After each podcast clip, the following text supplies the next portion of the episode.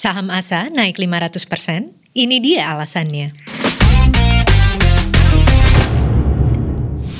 Di episode kali ini kita akan membahas satu emiten dengan kode ASSA atau juga saham ASA. Saham ini selama satu tahun terakhir telah naik hingga 500%. Seperti apa kelebihan dari emiten ini? Analisa dan informasi selengkapnya akan disampaikan oleh Rizkia Darmawan dari tim research Mirai Aset Sekuritas Indonesia. Hai Dharma. Halo Mbak Alia, halo sahabat Mirai Aset semua.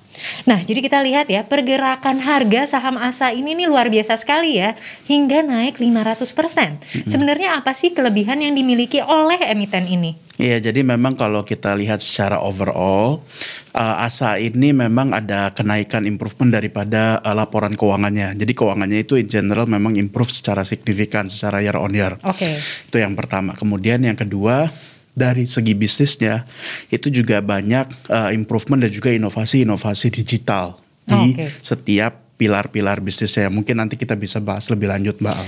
Tapi boleh lebih tahu, kira kira-kira ada berapa pilar bisnis ya ini? Ada tiga. Oke. Okay, ada, ada tiga, tiga, betul. Jadi yang pertama itu ada di transportasi, kemudian yang kedua ada di uh, logistik, dan kemudian yang ketiga itu ada di penjualan kendaraan uh, bekas. Oke, jadi ada tiga pilar bisnis yang nanti akan kita bahas detailnya ya, Mak ya. Mm -mm. Nah, tapi kalau kita lihat ya, pandemi ini kan sudah berlangsung dari 2020 dan berkepanjangan nih hingga 2021 ini dan melibatkan berbagai minimnya mobilitas serta transportasi ini terkena dampaknya. Nah, ada nggak sih strategi bisnis yang diadapt dan di-adjust oleh perusahaan ASA ini? Iya, jadi kalau misalkan kita lihat daripada bisnisnya sendiri itu dari ketiga pilarnya, sebetulnya memang ASA ini sudah uh, mendefine bisnisnya itu secara solid ya dari awalnya ya. Yang pertama itu tadi kemudian kita bilang adalah transportasi, di mana transportasi ini dikhususkan untuk uh, rental mobil dan rental mobilnya ini atau rental kendaraan ya. Uh, ini lebih ke korporasi sifatnya okay. atau B2B.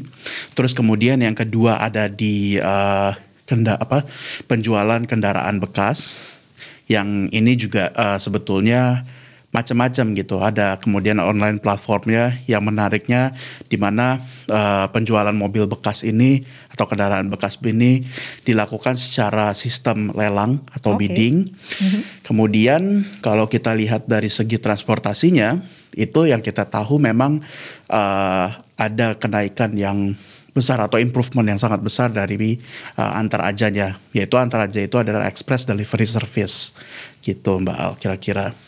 Di awal tadi, Dharma sempat mention adanya inovasi dan strategi digital yang dilakukan oleh ASA. Seperti apa tuh strateginya? Nah, oke, okay. kalau kita mau membahas soal uh, adaptasi digital dan juga inovasi yang dilakukan oleh ASA ini, sebetulnya ada di seluruh uh, tiga pilar yang tadi kita udah sebutkan, Mbak Al. Nah, okay. kemudian yang pertama itu mungkin kita bisa bahas dari segi pilar yang pertama dulu, yaitu transportasi.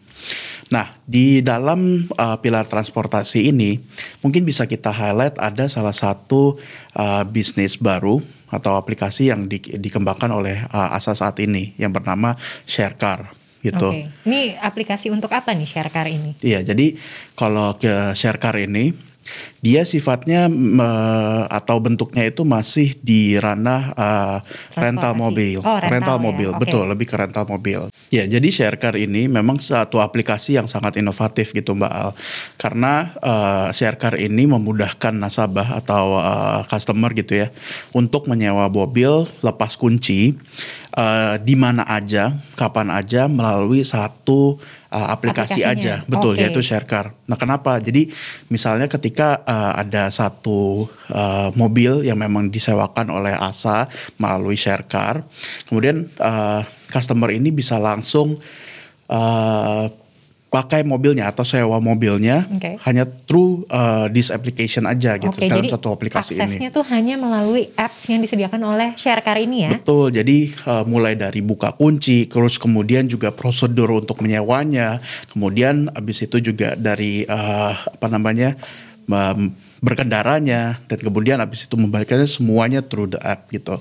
Oke. Okay. Dan memang sampai sekarang ini uh, daripada si Sharecar ini memang potensinya juga harus masih kita lihat ya ke depannya. Tapi menurut kita ini bisa menjadi salah satu katalis positif ketika uh, ke depannya memang bisnis ini uh, udah lebih proven dan juga berkembang terus gitu untuk uh, aplikasi share car ya. Dan okay. ini tadi yang kita ngomongin lebih, lebih ke uh, pilar yang pertama yaitu transportasi.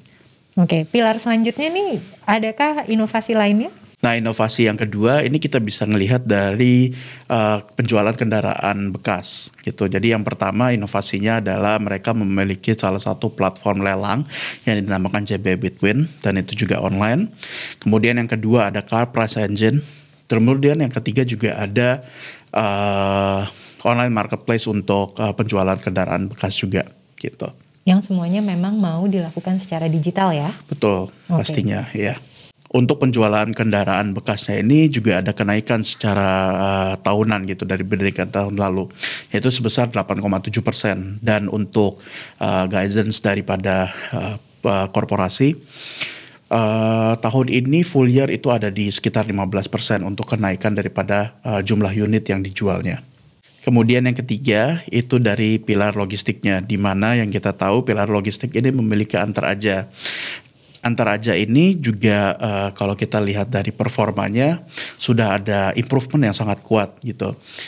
Yang pertama dari segi uh, jumlah parcel yang bisa dikirimkan itu sudah naik dari 300 ribu sampai dengan sekarang ada di 650 ribu per harinya, oh, betul. Kemudian yang kedua itu juga service pointnya itu sudah naik dari uh, eh, 300 menjadi 600 services point. Oke, okay, jadi semuanya double ya, hampir ya? Betul betul. Dan ini memang kalau kita lihat daripada uh, bisnis logistik ini sangat penting karena kan uh, ini juga yang menjadi mengurangi lag atau akhirnya mempercepat daripada delivery. Uh, ya, touch up pointsnya betul, ya. parcelsnya itu betul.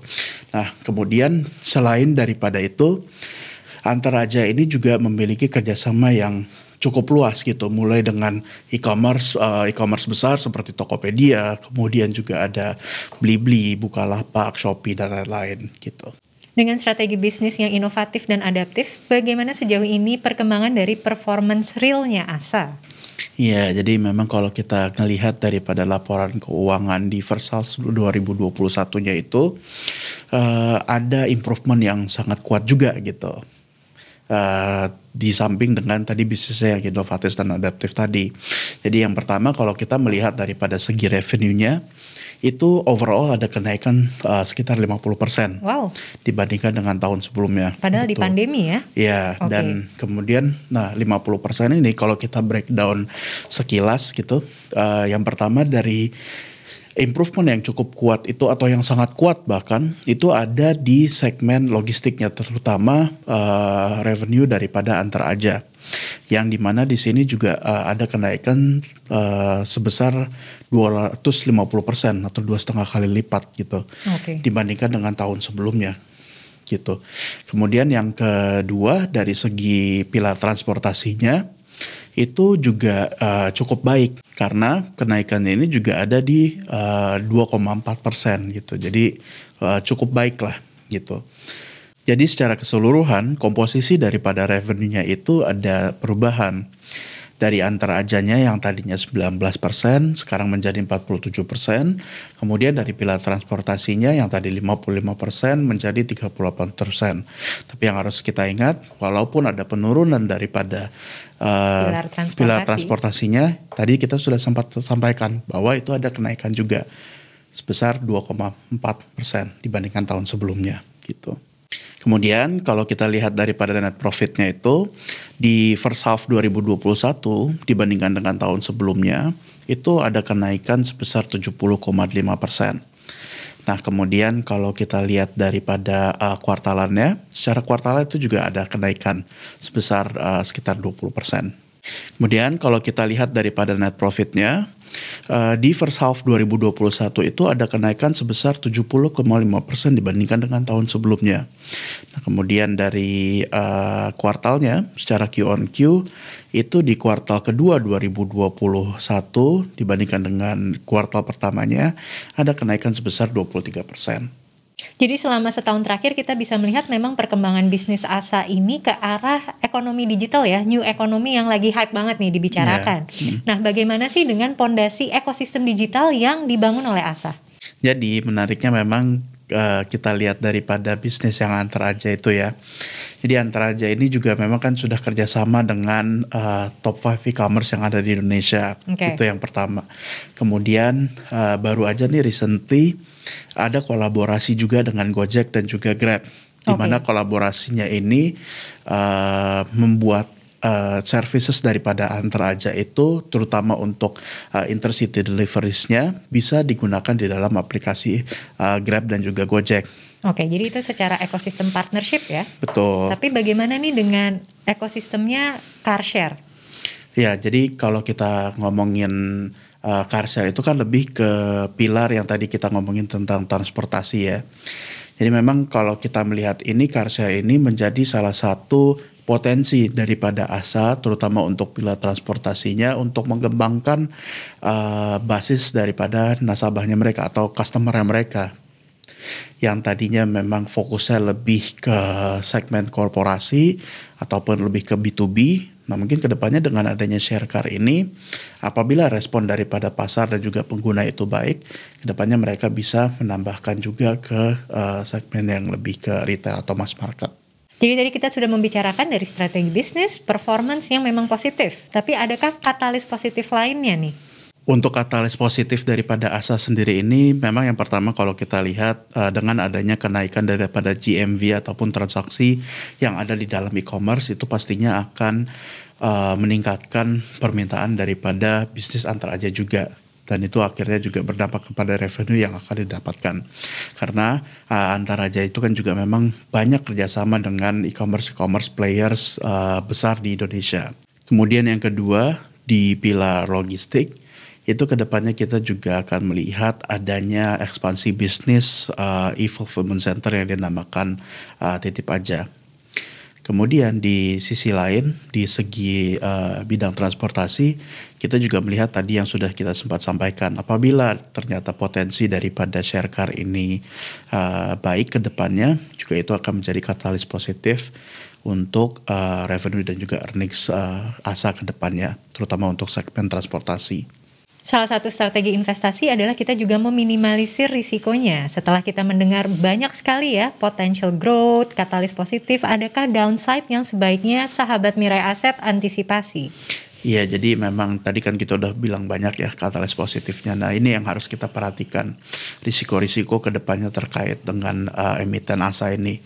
Untuk resiko yang harus kita perhatikan ke depannya, yang pertama itu ada di ekosistem digitalnya, ke depannya eksekusinya seperti apa. Yang kedua, kita juga harus melihat bagaimana ASA menghadapi persaingan dengan kompetitornya. Kemudian yang ketiga, kita juga harus mencermati bagaimana regulasi-regulasi atau kebijakan yang akan uh, dicanangkan terkait dengan produk-produk yang dikembangkan oleh ASA ke depannya. Oke baik, terima kasih banyak ya Dharma atas analisa saham ASA-nya. Sama-sama Mbak Alia. Informasi dan analisa terkait update saham ASA tadi telah disampaikan oleh Rizkia Darmawan. Semoga keputusan berinvestasi baik buy, sell, dan hold menjadi pilihan yang bijaksana untuk sahabat Mirai Aset.